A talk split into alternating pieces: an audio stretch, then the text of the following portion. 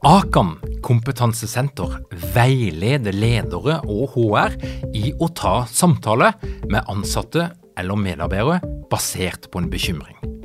Akan setter ledere og medarbeidere i stand til å forebygge og håndtere en problematisk bruk av alkohol, narkotika, legemidler, spill eller doping blant ansatte.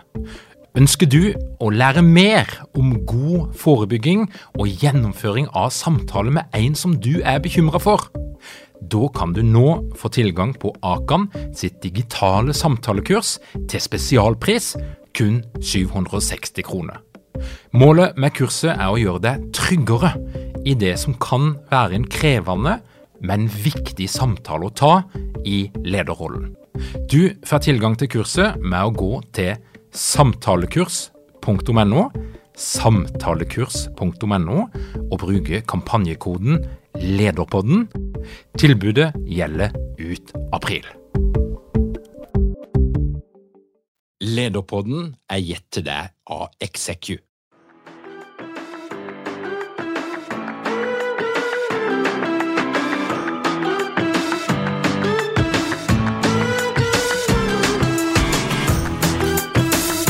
Velkommen til Lederpodden. Mitt navn er Tor Åge Eikerapen. Jeg jobber som organisasjonspsykolog, og dette her er en podkast om ledelse. Åssen skal vi leve, jobbe og samarbeide i framtida? Åssen kan vi maksimere mulighetene de fysiske og de digitale arenaene gir oss? Dette er et spørsmål som jeg har stilt mange ganger i Lederpodden. Og i dag skal vi gå til forskninga for å finne noen ikke synsebaserte svar og nye perspektiver. Nils Brede Moe er sjefsforsker i Sintef, og Jarle Hildrum er seniorforsker og leder av HR Analytics i Telenor. Og gjennom de siste tre årene så har de her to tatt posisjonen som Norges fremste eksperter på hybride arbeidsformer. Og i dag, kjære leder, skal du få høre hva som er det viktigste av det viktige som du kan trekke ut av denne forskninga og bruke i din daglige ledelse. Men først noen ord fra vår sponsor. Hei, mitt navn er Cecilie Ysnes Myhre. Jeg håper jeg ser deg på vårens utgave av Lederprogrammet, der jeg skal undervise om selvledelse.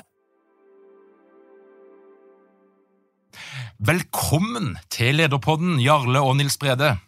Tusen takk. Tusen takk.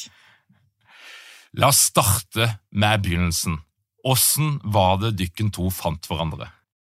Jeg kan ta den. Eh, jeg ble introdusert til Nils Brede av vår HR-sjef i Telenor. Jeg tror hun så at, eh, at vi to hadde noe å prate om.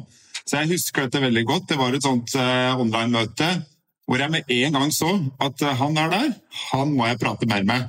For det var, en, det var for meg en veldig sånn kobling på energinivå, interesser og alt. Så jeg bare gleda meg til neste gang jeg skulle møte han etter det, etter det møtet der. og Nils Brede, Det er jo litt sånn den her faglige lidenskapen som jeg opplever at forener dere. Men kan ikke du fortelle litt, Nils Brede, hva er det som er din faglige lidenskap? Jo, altså først må jeg bare si at det var gjensidig. Det var utrolig bra energi. og vi, vi, Det som vi møttes i, da, var jo at vi har lyst til å få til endring. da.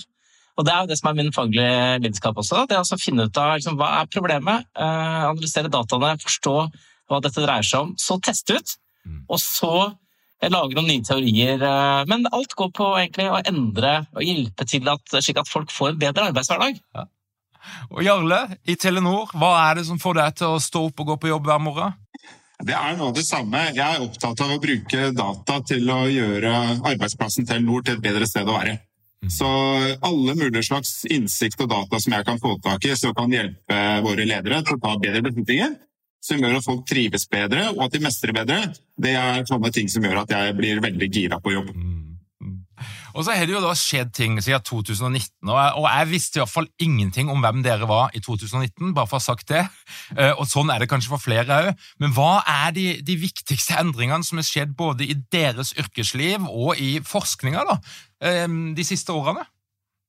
Altså for min egen del så har jeg jobba med distribuerte team og, og, og, team som jobber over landegrenser og tidssoner i mange år. Det har sånn, vært sånn passe interesse, egentlig. Men uh, akkurat uh, etter 2019, eller 2020, når folk plutselig flytta hjem, så ble det plutselig veldig mye mer aktuelt. Og da kunne vi bare fortsette å studere det vi hadde gjort. Mm. Og så fikk vi plutselig tilgang til vanvittig mye data som gjorde at vi kunne gjøre en helt annen type forskning og få veldig mye mer impact på det på folks arbeidsliv. Da. Ja. Og så ble det ikke da en, eh, noen personer som eh, media ringte ukentlig i en periode? Ja, bare kort kommentar på det. at eh, det vi visste, at det her kom til å gå, gå, bra. Og så så vi at det var utrolig mye stressa ledere der ute de første ukene. Folk stengte ned, og det var ikke måte på. Og så visste jo vi at dette fungerer godt. Sånn at uh, Det første vi gjorde da, var å få ut disse dataene som bekrefta at dette kom til å gå veldig bra, og til og med bedre.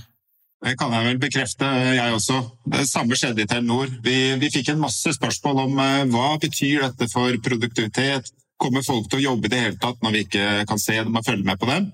Uh, så, så, vi fikk en masse henvendelser, og, og, det var klart at da fikk vi også tilgang til data. Det var jo et sånt kjempeeksperiment nesten, med dette sjokket med pandemien og hjemmekontor. Og så kunne vi studere alle disse effektene og kommunisere til lederne at uh, det her, her, det fungerer.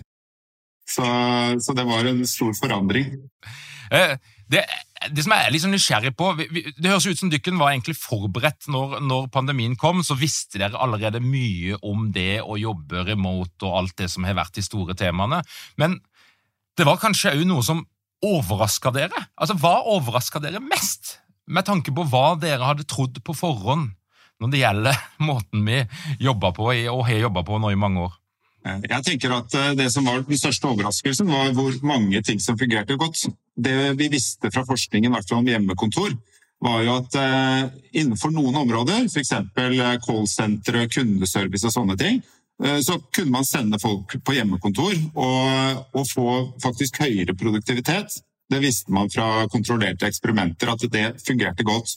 Men det at en hel virksomhet med så mange områder, sånn som Telenor, da, som er stort og har masse forskjellige roller, og man sender alle de hjem, nesten alle, og likevel så fungerer det godt, og vi klarer å betjene da over 170 millioner kunder eh, like godt, nesten like godt som vi gjorde før dette slo inn. Det var stor, en stor overraskelse. Mm. Og jeg følger opp på det at eh, det jeg kanskje ble mest overraska over, var eh, alle de som beskrev at de nå plutselig fikk en hverdag uten så mye avbrudd. At de fikk mye mer flyt. Og så så vi at de da rapporterte høyere produktivitet, og så var det litt overraskende at vi fant eh, også at de som måtte være med på jobben, fikk høyere produktivitet. Mm.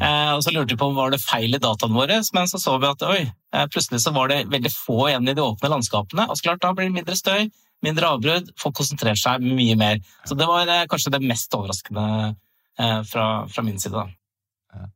Og nå er vi jo, sånn, Pandemien er avslutta, men vi sitter jo fremdeles med en rekke problemstillinger knytta til hvordan skal vi jobbe, hvordan skal vi balansere alle de her nye mulighetene på en best mulig måte. Og, og Hva er det dere forsker på nå, hva, hva, og hvem er det dere forsker på?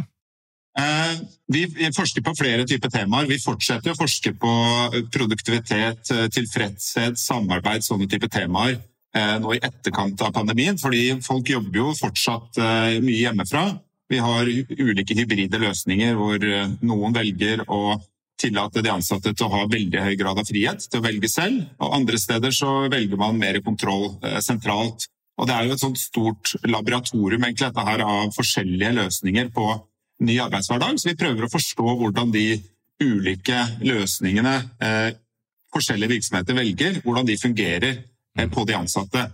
Eh, og pre på prestasjoner. Så hos oss så er det en ting som er veldig interessant nå, er å forstå hvordan eh, det å gi folk frihet til å velge å jobbe hjemmefra, hvordan det påvirker mangfold eh, på arbeidsplassen, og hvordan det eh, påvirker likhet på arbeidsplassen. For fordi det å være på kontoret det har en del eh, karrierefordeler knytta til seg. Så hvis du har systematikk i hvem som velger å være hjemme, og hvem som velger å komme inn, så kan man få sånne effekter på mangfoldet og på likhet eh, over tid. Da.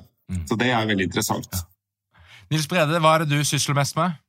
Ja, nei, altså Vi så jo veldig tidlig at de teamene som lykkes best i det hybride, er de som liksom finner ut av det sammen. da, eh, Og blir enige om når vi skal være sammen, hvordan hvordan skal vi organisere arbeidshverdagen vår, og veldig mye autonomi. Men så ser vi at, eh, og det er jo liksom gulloppskriften, men i praksis er det veldig mange som sliter. og Det å balansere individets behov, teamet, gruppas behov og, og organisasjonens behov, det er mye vanskeligere enn jeg trodde, så her må vi forske mye mer.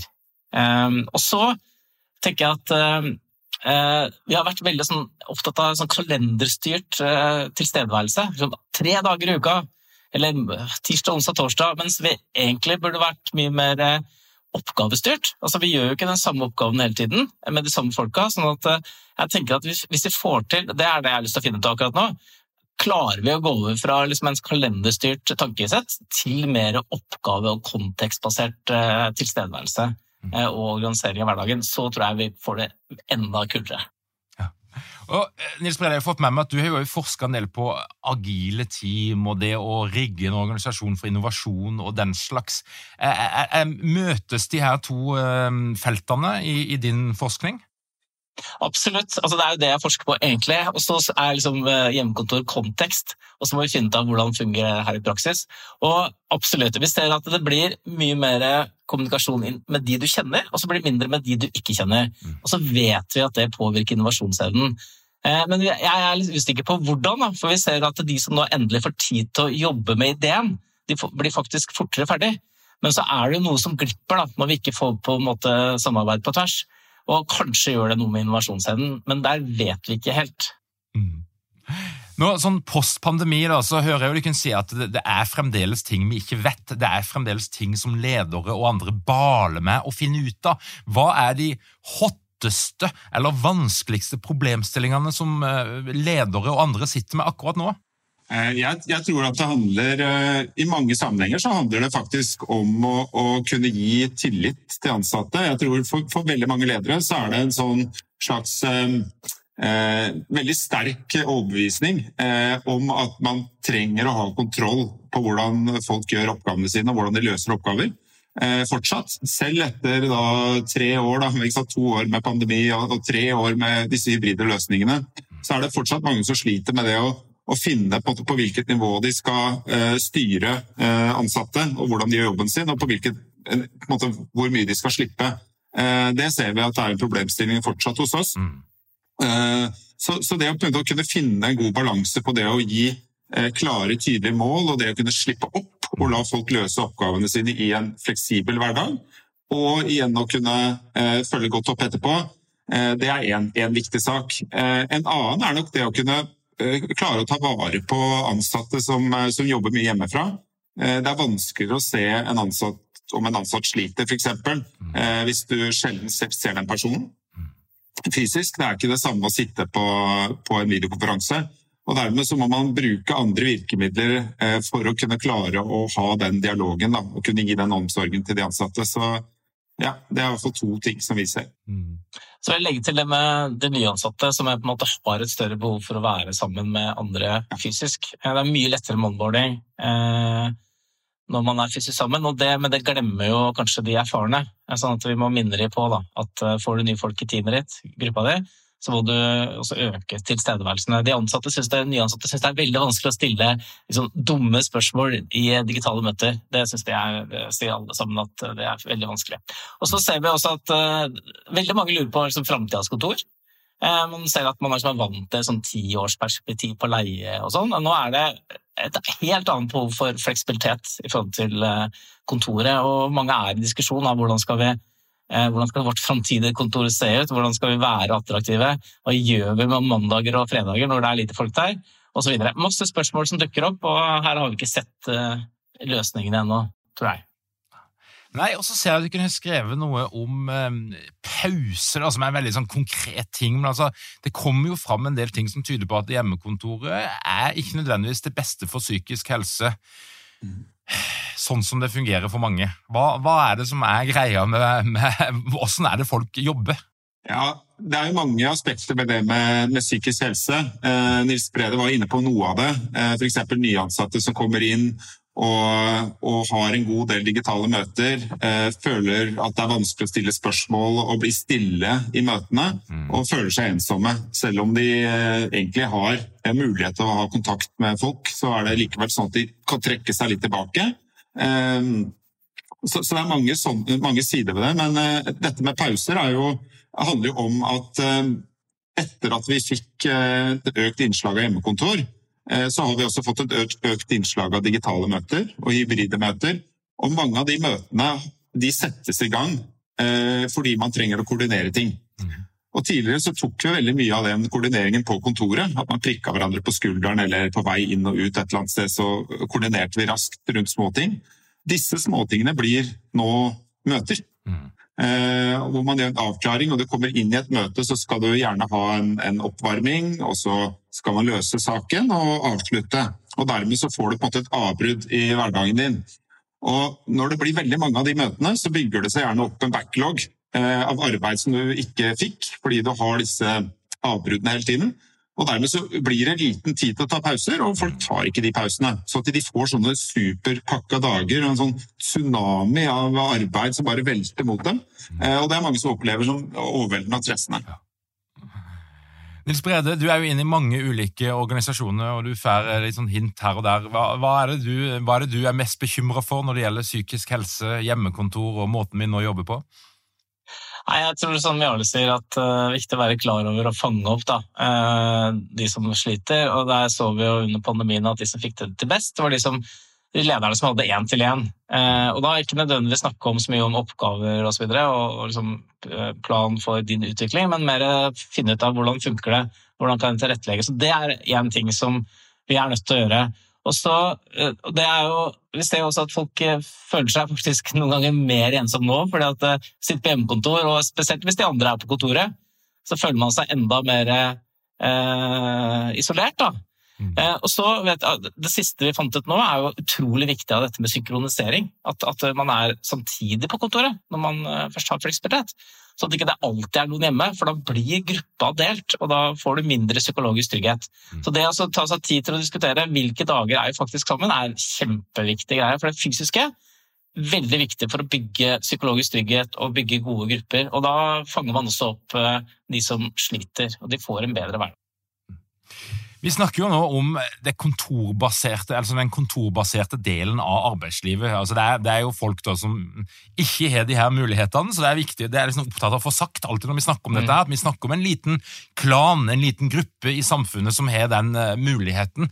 Men, men, men hva er det dere ser at ledere ofte bommer på når de skal håndtere dette her? For her gjøres det jo mye rart, og vi har jo sett uh, i media at det er jo Elon Musk er jo et eksempel på en som dro ordentlig hardt i bremsa når det gjaldt å trekke tilbake den autonomien som mange hadde fått. Og så har vi andre som har gått andre veien. Men, men hva er det ledere bommer litt på, sånn som dere ser det? Bare veldig kort til Musk. Han sa vel at du kunne få hjemme, hjemmekontor så lenge du var 40 timer på kontoret først, tror jeg. Så, så, men det er et interessant eksempel. Jarle, vær så god.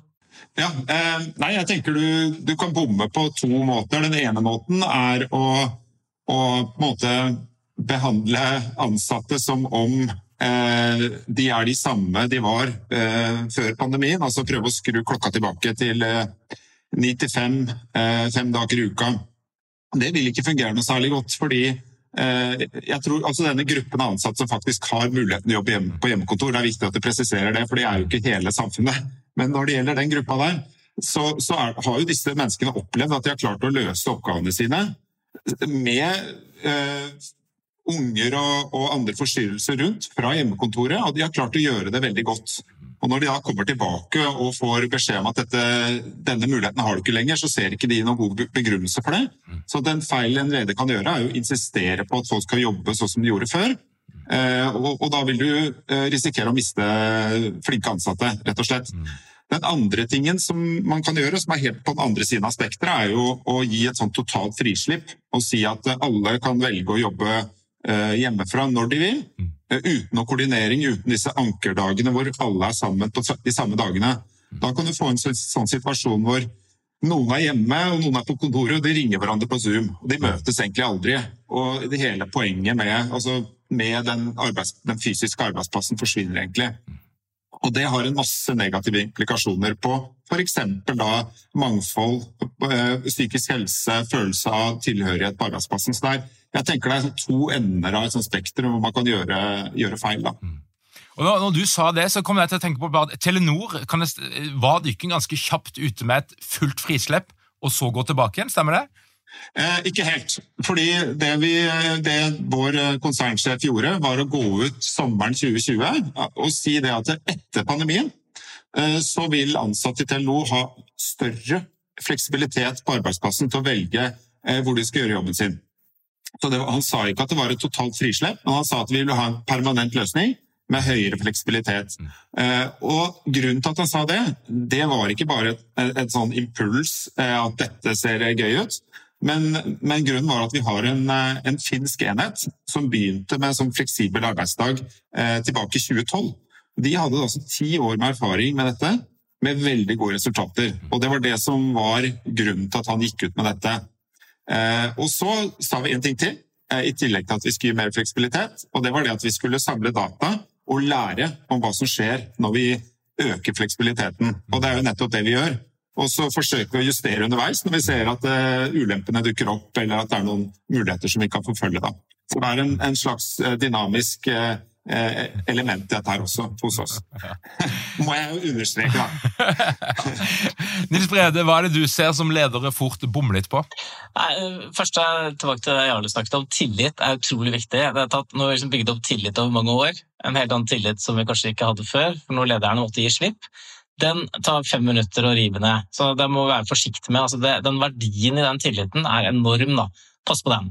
Og så ser vi at de lederne som eh, feiler, kanskje, er de som ikke bruker data, men gjerne baserer beslutningen på egen magefølelse, de som skriker høyest. Det er ikke så smart. Mm. Bruk dataene, tenker jeg.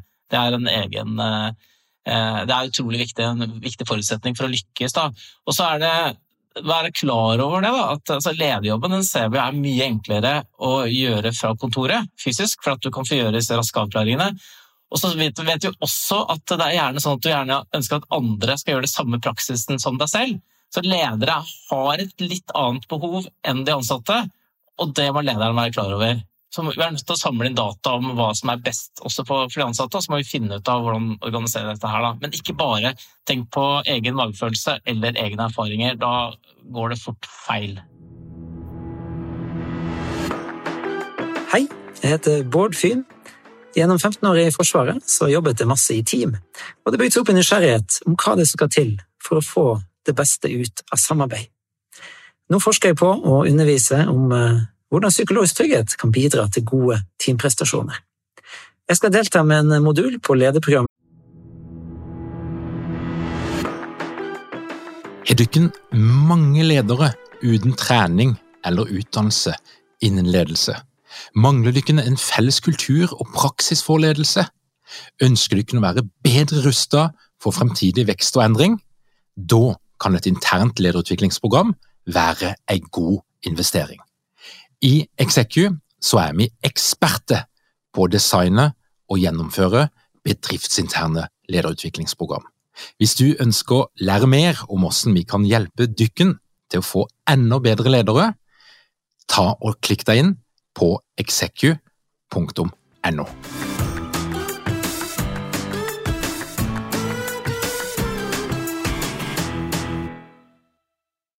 til eh, våren, der du skal få lære om eh, hvordan du eh, på en praktisk måte kan lede til psykologisk trygghet.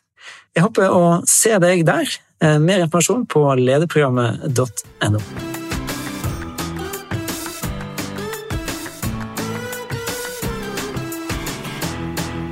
Du kan si noe om at Det å være sammen fysisk kan være særlig viktig i en onboarding-fase. Eh, det kan være særlig viktig hvis du ønsker å skape mangfold over tid. Og du sier noe, Nils Brede, om at det å være fysisk sammen er veldig godt egnet til å bygge psykologisk trygghet, som alle er opptatt av. Hva, hva mer kan vi si om når det å være fysisk sammen er det beste? Det vi ser hos oss i Telenor, det er det at det er enkelte, enkelte oppgaver og roller hvor det er ganske viktig å være mye fysisk sammen. Så f.eks. folk som jobber med komplekse salg, hvor de er nødt til å avklare med internt med kollegaer veldig raskt når et salg skal settes eller besluttes på. De må interagere med kunder eh, parallelt. Eh, I noen sammenhenger så er det store beløp det er snakk om. Det kan være konfidensiell informasjon som skal utveksles. og Da er det veldig greit å være sammen fysisk for å kunne gjøre disse avklaringene raskt. Eh, vi ser også at dette gjelder Eh, grupper som, driver, som jobber kreativt også, eh, og som trenger å ha en, rask interaksjon på ideer frem og tilbake.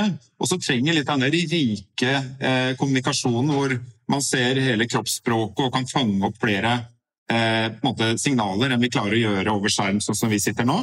Og så er det det siste som er, er veldig viktig, det er de vanskelige samtalene. Altså Hvis du er leder og du har en samtale om prestasjoner som er vanskelig, så ta ikke den på team. For guds skyld, ha et, eh, et ordentlig møte og sitt ned. For det er ofte veldig mye i den samtalen som ikke du klarer å fange opp eh, hvis du sitter på, på Teams f.eks. Så det er noen eksempler. Mm. Jeg er helt enig. Altså det, det, er som de oppgavene også som er vanskelig og folk ikke har jobba sammen før, så er det utrolig viktig å møtes. Og det så vi også under pandemien. De som hadde, hadde et godt nettverk som fungerte fysisk, så fungerer det også godt digitalt. Det må vi huske på. Og så må vi ikke glemme da, at det er utrolig viktig med en fest i ny og ne. Eh, gjerne rett etter jobb, at man har et arrangement. Man må ikke eh, feste eh, vilt, så klart. Men det å treffes, da. Rett etter jobb ser vi trekker folk på kontoret, og vi vet at det er utrolig viktig for å på en måte bli minnet på at man har mange andre kollegaer og opprette eh, de kontaktene man kanskje hadde, og kanskje skape noen nye. Som, som, forskere så er dere opptatt av å se bakover og prøve å fange opp det som skjer akkurat nå.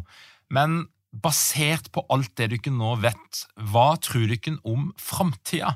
Hvis vi skal kikke noen år fram, kommer vi til å slutte å ha podkaster som dette her? fordi alt er bare en selvfølge. Det er ikke noe poeng å snakke om noe hybrid som et eget tema, det er bare jobb. Altså, Hva, hva ser dere i krystallkula?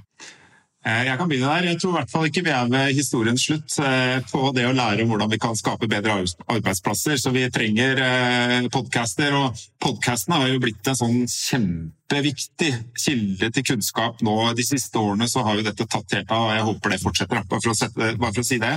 Og jeg tror det. Men jeg tror jo fremtiden vår kommer til å være Jeg tror det kommer til å bli hybrid. Fordi arbeidsoppgavene hvor man kan gjøre det. Og det er stadig flere oppgaver som også kan gjøres mer eh, både hjemmefra og på kontoret. Jeg tror det kommer til å bli en miks. Og jeg tror at eh, fremtiden er at vi vil finne de gode normene og de gode reglene for å kunne håndtere en sånn hybrid arbeidshverdag. Hvor vi klarer å ta høyde for eh, og passe på at folk ikke faller ut i så stor grad som de gjør nå. Eh, og vi klarer å passe på at folk måte, ikke sliter seg ut i så stor grad. Det kommer til å ha selvfølgelig variasjoner, men jeg tror vi kommer til å lære oss til å bruke den formen. Og den kommer til å bli dominerende, i hvert fall innenfor folk som jobber på, i sånne kunnskapsyrker. Da. Den andre tingen jeg tror kommer til å skje, er at vi får en fortsatt akselerasjon av kompetanse til å jobbe sammen digitalt. Det er jo en av de virkelig fantastiske tingene med det som har skjedd de siste tre årene. At vi har hatt en sånn spurt på det å lære oss å kunne sitte og jobbe eh, via eh, digitale medier og jobbe godt sammen på en måte som vi bare ikke klarte før. Bare husk på den der, eh, Noen som husker på den lille sprakeboksen man hadde i sånn konferanserom, hvor det var en sånn liten, en liten mikrofon, var det noe spraking borti der, hvor det var en som var med på møtet. Og, og det, det, fungerte dårlig. Nå fungerer det mye bedre. Jeg tror om fem år så er teknologien og vår kompetanse til å bruke den ekstremt mye høyere. Så jeg har egentlig veldig sånn positive eh, framtidsutsikter der.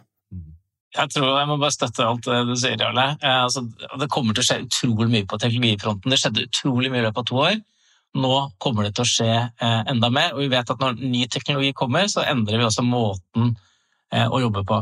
Og så tror jeg også at eh, kontoret kommer til å spille en ny rolle. Vi er nødt til å tenke litt gjennom hvorfor vi har kontoret og hvor vi legger det. Vi vet f.eks. at pendlertid, avstand, er utrolig viktig for folks eh, ønske og vilje om å dra på kontoret.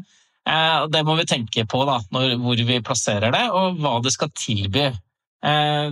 Og det må tilby å løse alle typer oppgaver hvis vi ønsker å være attraktive. Da.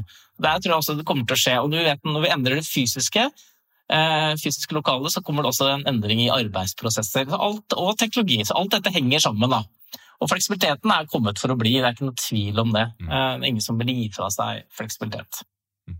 Nils Brede, er, er det noen eksempler? Nå jo, Telenor ligger jo eh, lett til her, men du, du må gjerne finne noen andre. Er det eksempler på norske virksomheter som har tatt dette her på alvor, og som du ser gjør kule ting? For er, La oss nå være enige om én en ting. Hvis du kikker på norske kontorlandskap, så er de skikkelig dølle. Altså De aller fleste kontorer de er dritkjedelige. Det ser ikke ut som et sted du har lyst til å være mer enn strengt tatt nødvendig. Nei, helt enig. Men det er faktisk ganske mange som gjør har pussa opp veldig mye. eh, Og veldig mange av våre partnere, eh, bankene f.eks., har pussa opp mye de to siste åra. Både Sparebank1 Utvikling og Storbrann. Og Storbrann tenker jeg også gjør noe kult at de har den Storbrann-tirsdagen sin, som gjør det mer attraktivt å komme inn.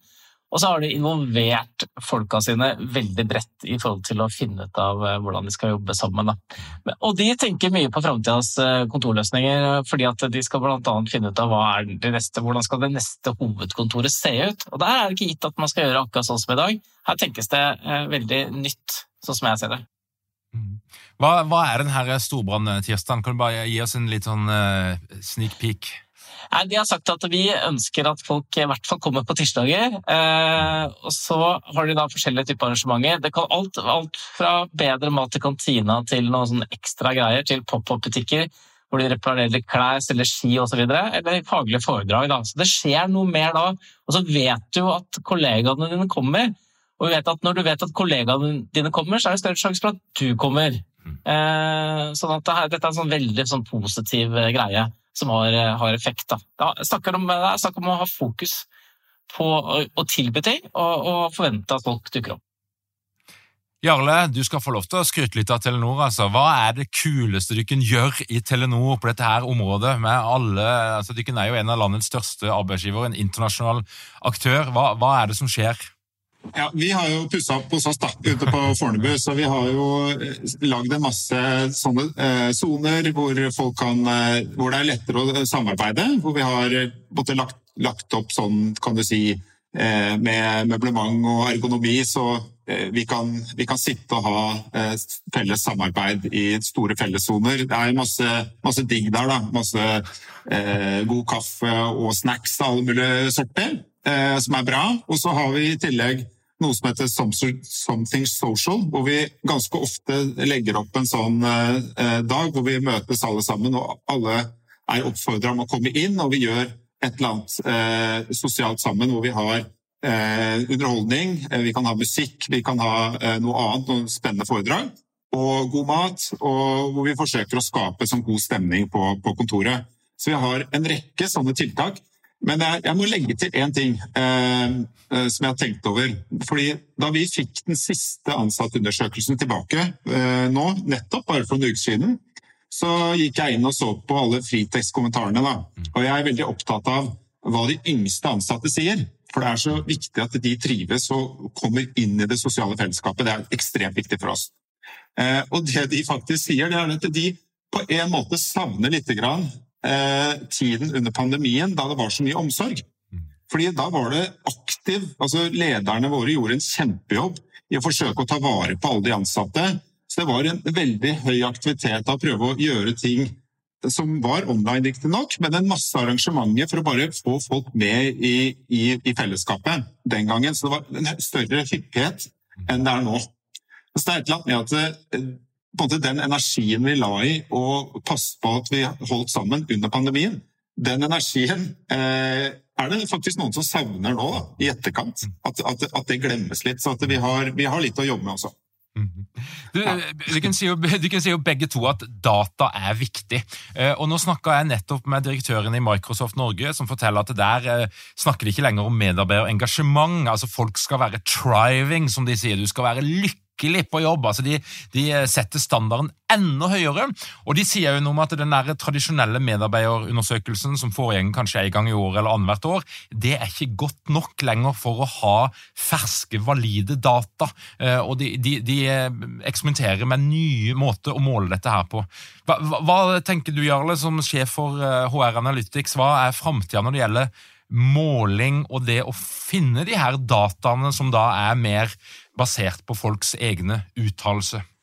Ja, altså Jeg er veldig enig med Microsoft der. da. Jeg har egentlig aldri likt denne engasjementsundersøkelsen som eh, virksomheter ofte gjør en gang i året.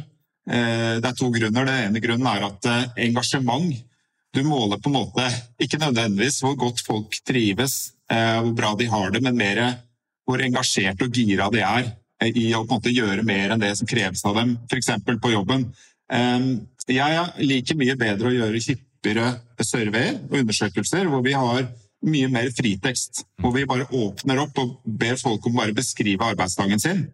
Og ved å bruke tekstanalyseverktøy så kan vi finne ut av hvordan folk opplever og føler jobben eh, jevnlig. Så det er én ting, men jeg, jeg, tenker at man må forsøke å koble dette med andre datakilder også. Så, så vi, har jo, vi, har jo, data om frivillige oppsigelser. Eh, vi har data som handler om eh, folk, hvorvidt folk velger å, bruke, å komme inn og bruke kontoret, f.eks. Eh, og vi har, vi har, også data om hvordan folk samarbeider på tvers. Og når vi setter dette sammen, og ikke bare bruker surveyen, så får vi et rikere bilde av hvordan hverdagen til en ansatt er. og også, så får vi også flere muligheter til, å gjøre noe med, med dette. da. Så ja, det var uh, kort. ja, veldig bra. Veldig spennende. Nils Brede, hva, hva, tenker du? Altså, du sier at data er viktig, men hva slags data er det ledere bør sørge for å skaffe seg? Nei, ikke sant? Det er jo et godt spørsmål, og det er avhengig av hva som er mulig. og Hva er oppgaven og hva er organisasjonen? Og Hvilken kapasitet har du til å samle inn data? For alle har ikke den samme kapasiteten eller kunnskapen om det. da. Jeg er enig med Jarle om at disse korte, kanskje kortere pulsmålinger Storbritannia gjør det uh, flere ganger i året, så du er mye mer på hele tiden og får tilbakemelding mye raskere og kan drive med kontinuerlig forbedring. Jeg tror det er mye bedre enn disse årlige greiene hvor du egentlig er usikker på hva du egentlig fanger opp. Men så er jeg enig med Jarle. Vi jobber også tett med Spotify og vi ser på liksom både undersøkelser med alle de ansatte, men også på en måte aktivitet på Slack f.eks. Da kan du lage mønstre. Se på eh, møte, hvor mye folk sitter i møter. Som jeg vet at Møtehverdagen er utrolig viktig, det har vi snakka om før i dag. Og det, dette med digitale møter versus fysiske møter, bare, bare se på liksom hva, er, hva, er, greia rundt det.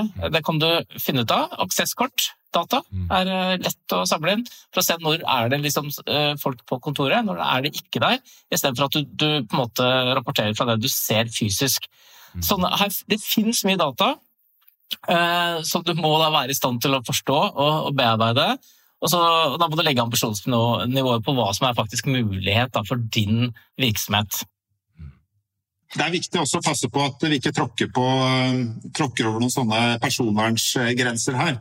Fordi det finnes jo ekstremt mye nyttige data, f.eks. om hvor seint folk jobber ute på kvelden, eller om de driver med multitasking i møter. Man kan måle sånne ting. Eh, men eh, det er også viktig å ikke trå inn på, på folks privatliv eh, og, og folks persondata. Så, så, det er en balanse som vi må gå opp hele tiden der. da. Mm. Ja, Det er kjempespennende. Veldig viktig å få løst. Yes. Veldig godt. Takk, Jarle. Nils Brede, når du nevner Spotify, så blir jeg jo litt uh, nysgjerrig. For det er jo en del myter om Spotify. Det er jo Spotify som har den fuck up-wallen som mange har sett. Uh, de, de, ble jo tidlig kjent for å jobbe agilt med sine uh, guilds og tribes og, og, hva det måtte være. Og så er det noen som sier ofte at det, at det er bare noe som er på utsida. På innsida så er det faktisk ikke sånn. Kan du gi oss et lite hint om hva som skjer på innsida av Spotify, som, som, vi som er litt interessert, kan synes er litt kult. ja, Nå skulle jeg gjerne hatt en ny podkast, tror jeg, men jeg eh, kan prøve å være veldig rask. for det første, Mange snakker om Spotify-modellen og at ikke den fungerer. Det er ikke sånn på innsiden, og det er helt riktig. Det er ingen som jobber etter en sånn fast modell, mm. men det er noen prinsipper der, eh, og de ser vi bl.a. rundt de autonome teamene. Og så er det ikke sånn at alle team er like bra i Spotify, det varierer der som alle andre steder, men de, de jobber faktisk etter dette, og, og, vi ser at det funker bra, altså. Mm. Eh, og, og det er, til Guild også, så er det noen steder fungerer det utrolig bra, eh, andre steder fungerer det ikke like godt. Så de er eh, veldig framoverlent. De forventer at eh, folk tar ansvar og, og, ønsker å utvikle seg og skape nye, gode team. De er jo veldig attraktive. De får jo tak i de beste folka. Eh, det er jo noe i det også, men eh, de også ser jo at eh, det varierer. da, Sånn at de også har de samme problemene som alle andre. Det er kort forklart. Men det som er kult, da, synes jeg, det kuleste som skjedde, var at der kunne man velge work mode Og Spotify. Enten skal du velge kontoret som utgangspunkt, eller hjemme som base. Og Så sa de det, og så lot de folk velge, og så skal de løse problemet etterpå. De utfordringene som kommer da, i kjølvannet av det. Og Det er du inne og kikker på, og skal forhåpentligvis publisere et eller annet rundt om ikke så lenge. Det er helt riktig. følg med, følg med! Jarle Nis Brede, hvis vi skal oppsummere og dra ut de viktigste rådene til de lederne som lytter på Lederpodden, eh, hva er det de bør tenke på eller gjøre akkurat nå for å få dette her til å funke best mulig? Ja, øh, Vi var jo inne på det. Altså, vi, er, jo inne i en ny arbeidshverdag hvor, øh, hvor, hvor de ansatte har øh, krever eh, mer frihet til å velge hvordan de legger opp sin egen dag. Eh, og det fordrer jo tillit. Altså, tillit er et nøkkelord her. Eh, det er å, å, rett og slett våge det og gi den tilliten til at folk faktisk gjør jobben sin. Eh, men å kombinere det med, med god oppfølging og, være, og, sette klare mål. Eh, og så er det i tillegg det å passe på eh, nyansatte som kommer inn, og huske på at det er ikke altså Den gangen vi ble ansatt, da, eller eh, jeg ble ansatt i Telenor, det var vel i 2013 eh, Jeg hadde jo den luksusen at jeg kunne være rundt alle medarbeiderne i den summingen som var på Fornebu, mm. og bare bli en del av dette miljøet og måtte lære alle begrepene gjennom en sånn slags osmose bare ved å være der. Mm. Den har jo ikke de nyansatte. Så et viktig råd til, til lederne det er å virkelig følge opp de nyansatte ordentlig godt, sånn at de blir en del av dette fellesskapet. Mm. Eh, det er i hvert fall et par poenger. Ja. Veldig bra. Over til Trondheim. Jo, takk. Nei, jeg, jeg, tenker at Vi så under pandemien at disse autonome teamene, de som har, liksom, får til dette med autonomi og har myndighet, mm. de fungerer jo veldig godt. Sånn at eh, Som leder så tenker jeg at man må eh, passe på å tilrettelegge for det. da. Mm. Og Så ser vi også at i dag at faglig utvikling er kanskje blitt viktigere, og at folk gjerne vil jobbe sammen med andre gode folk som kan utvikle seg. Og det å tilrettelegge for det, da. Og da må man passe på at Det er lett at man eh, organiserer seg sånn at de beste folka alltid er opptatt. De har ikke tid til å dele, for det er så busy.